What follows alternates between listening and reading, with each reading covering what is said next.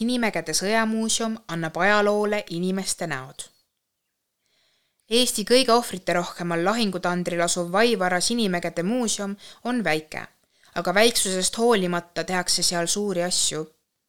kõige värskem valieksponaat on autentne tank näitusemaja asub endises Vaivara mõisa aidas ja sealne väljapanek on pühendatud tuhande üheksasaja neljakümne neljanda aasta karmidele lahingutele. tankitõrjekahurite, miinipildujate, käsitulirelvade ja mundrite kõrval on eksponeeritud ka sõdurite isiklikud esemed katelokist viltideni. kõige suurem eksponaat asub aga näitusemaja taga telgis ja selleks on kakskümmend aastat tagasi Kurtna Mätasjärvest välja tõmmatud tank T kolmkümmend neli muuseumi suurim tõmbenumber on ühtlasi Ida-Viru sõjaajaloo klubi Otsing kõige väärtuslikum leid. Sakslased võtsid selle T kolmekümne nelja venelastelt sõjasaagiks ja maalisid haakristid peale. taganedes uputasid nad sõjamasina koos mürskudega järve. kuigi tank oli järve paksus mudakihis päris hästi säilinud, on klubi liikmetel kulunud tema kordategemiseks aastaid aega ja vaeva. sõjamehe ja külanaise pilgu läbi sõjaaega ei saa Sinimägedest tagasi rännata mitte ainult eksponaate uudistades, vaid ka rollimängus osaledes. Muuseum kutsub peresid ja sõpruskondi osalema ajarännakus, mis pajatab inimeste sunnitud lahkumisest Narva piirkonnast tuhande üheksasaja neljakümne neljanda aasta sõjatalvel ning Eesti meeste kutsumisest Saksa sõjaväkke elamuslik muuseumiprogramm on pärjatud Ida-Virumaa parima uue seikluse tiitliga. ühinen ühega esimestest gruppidest, kelle peal seda testitakse ühel suviselt soojal päeval kehastub Sõjamuuseumi juhataja Iivika Maidre Meriküla meetaks ja kolleeg Tõnis Tolpats Saksa väljaõppeohvitseriks, et vaadata tagasi tuhande üheksasaja neljakümne neljanda aasta sõjatalvele nii tavalise külanaise kui sõjamehe pilgu läbi. jaanuaris tuhat üheksasada nelikümmend neli hakkab Leningradi alt rinne liikuma Saksa väed on olnud Leningradi lähedal juba kolm aastat, aga nüüd jõuab rinne sealt kahe nädalaga Narva jõe äärde, kuhu veebruariks kogunevad suured jõud. Veebruaris tuhat üheksasada nelikümmend neli oli meie tollane peaminister Jüri Uluots pidanud raadiokõne ja öelnud, et kõik Eesti mehed lähevad nüüd rindele, sest meil on teine vabadussõda. teeb Iivika Maidre lühikese sissejuhatuse. seejärel läheb kohe asjaks ajas rändajatele ulatatakse mobilisatsioonikutse ja nad värvatakse sõjaväkke. Tekst kutsel on enam-vähem tõetruu, erinedes vaid selle poolest, et kutsutute hulgas nimetatakse ka naisi, keda Saksa armees tegelikult rindele ei lastud. et meie grupis moodustavad naised rõhuva enamuse, on väike mööndus õigustatud.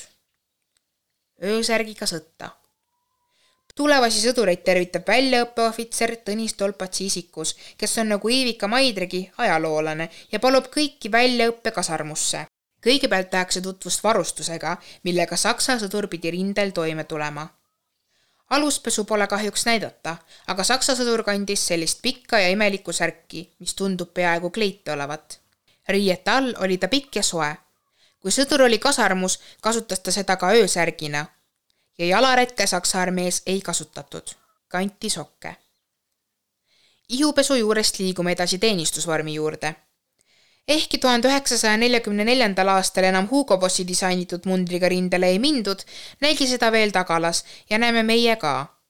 see oli viimane ilus munder, edasi tuli kõikidel armeedel laiguline vorm, mis ei olnud nii hea sihtmärk.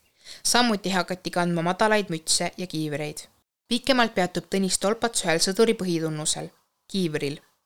kui selline moodne teraskiiver kasutusele võeti, vähenes peavigastuste arv kaheksakümmend protsenti. See tehti kindlaks Esimeses maailmasõjas.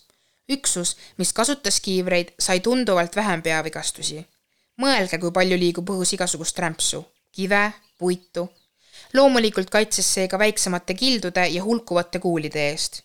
see kiiver on optimaalse kaaluga prooviti ka raskemaid, mis kuuli kinni pidasid, aga need ei õigustanud ennast. sõdurid kippusid need minema viskama. Naiste nõrkus ilusate asjade vastu saab toitu, kui avaneb võimalus katsuda saksa sõduri stiilset seljakotti, mille taolised on moes praegugi. Iivika Maidre viskab õhku küsimuse. miks seal vasikanahk peal on? et oleks seljal soe? et kui ülevalt vaatad, siis nagu vasikas käib ringi. on padja eest? just esiteks saab seda kasutada pea all, aga tähtsam on üks teine põhjus. vasikanahk kaitses riiet märgumise eest. Algul pidid sellesse väikesesse seljakotti mahtuma nii tagavaratoit kui varujalatsid. kui sõda edasi läks, anti juba lihtsa tegumoega suurem seljakott. riidest, hästi lihtne toota, mahutas paremini. praegugi käiakse sellistega marju korjamas.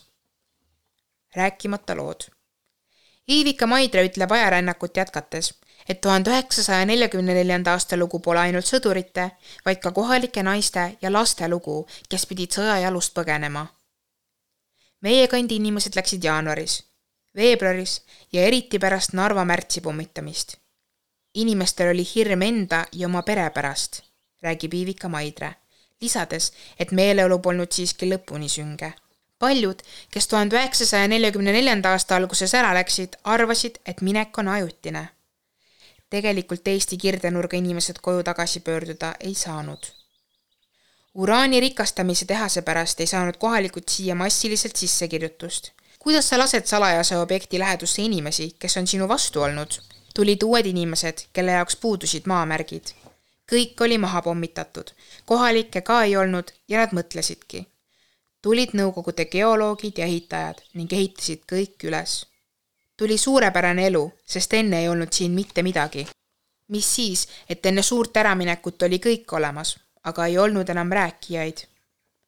ja mis sai Merikülas elanud süvalepa Meetast, keda Iivika Maidre rollimängus kehastab? noort naist ei päästnud isegi see, et ta oli juunikommunist. ei tasu arvata, et kõik olid Nõukogude võimu vastu tegelikult oli eestlaste seas ka neid, kes arvasid, et nüüd saabubki töörahva õnn. Meeta ei jooksnud ära, sest Punaarmee oli tema armee. ta ootas seda. Kui neljateistkümnendal veebruaril saadeti maale dessant, olid Merikülla jäänud mõned vanainimesed ja Meeta oma sülelapsega. aga sõda on sõda ja maale tulevatele sõduritele öeldi, eestlased on sakslastega koostöötegijad, ei mingit halastust. ja mitte keegi ei küsinud Meetalt, mida tema usub. Meeta tapeti, tema laps samuti. Iivika sõnul avaldasid tollased lehed jubedaid fotosid süütu lapse ja naise tapmisest, aga nüüdseks on teada, et sama saatus tabas ka vanureid. ja ega dessandil endal ka pikka pidu ei olnud. kujutage ette, kui maale tuleb umbes nelisada meest, aga raudtee ja maantee ületavad neli kuni seitse. ülejäänud saavad surma või vangistatakse see ei ole edulugu ja sellest ei räägita. Meeta ja tema saatusekaaslaste mälestuseks on aga kivi, kus on kirjas, et nad langesid fašistlike röövvallutajate käe all. nii et palun väga, jälle üks elumängukaart. aga miks ma ei saa välja panna selgitavat teksti? sest arvatavasti püsiks see Merikülas kolm päeva. mida aga teha saab, on rääkida rääkimata lugusid ja seda Vaivara Sinimägede muuseum teebki, andes ajaloole inimeste näod sest ajalugu ei ole ainult arvude, vaid ka inimeste ajalugu. Sirle Sommer-Kalda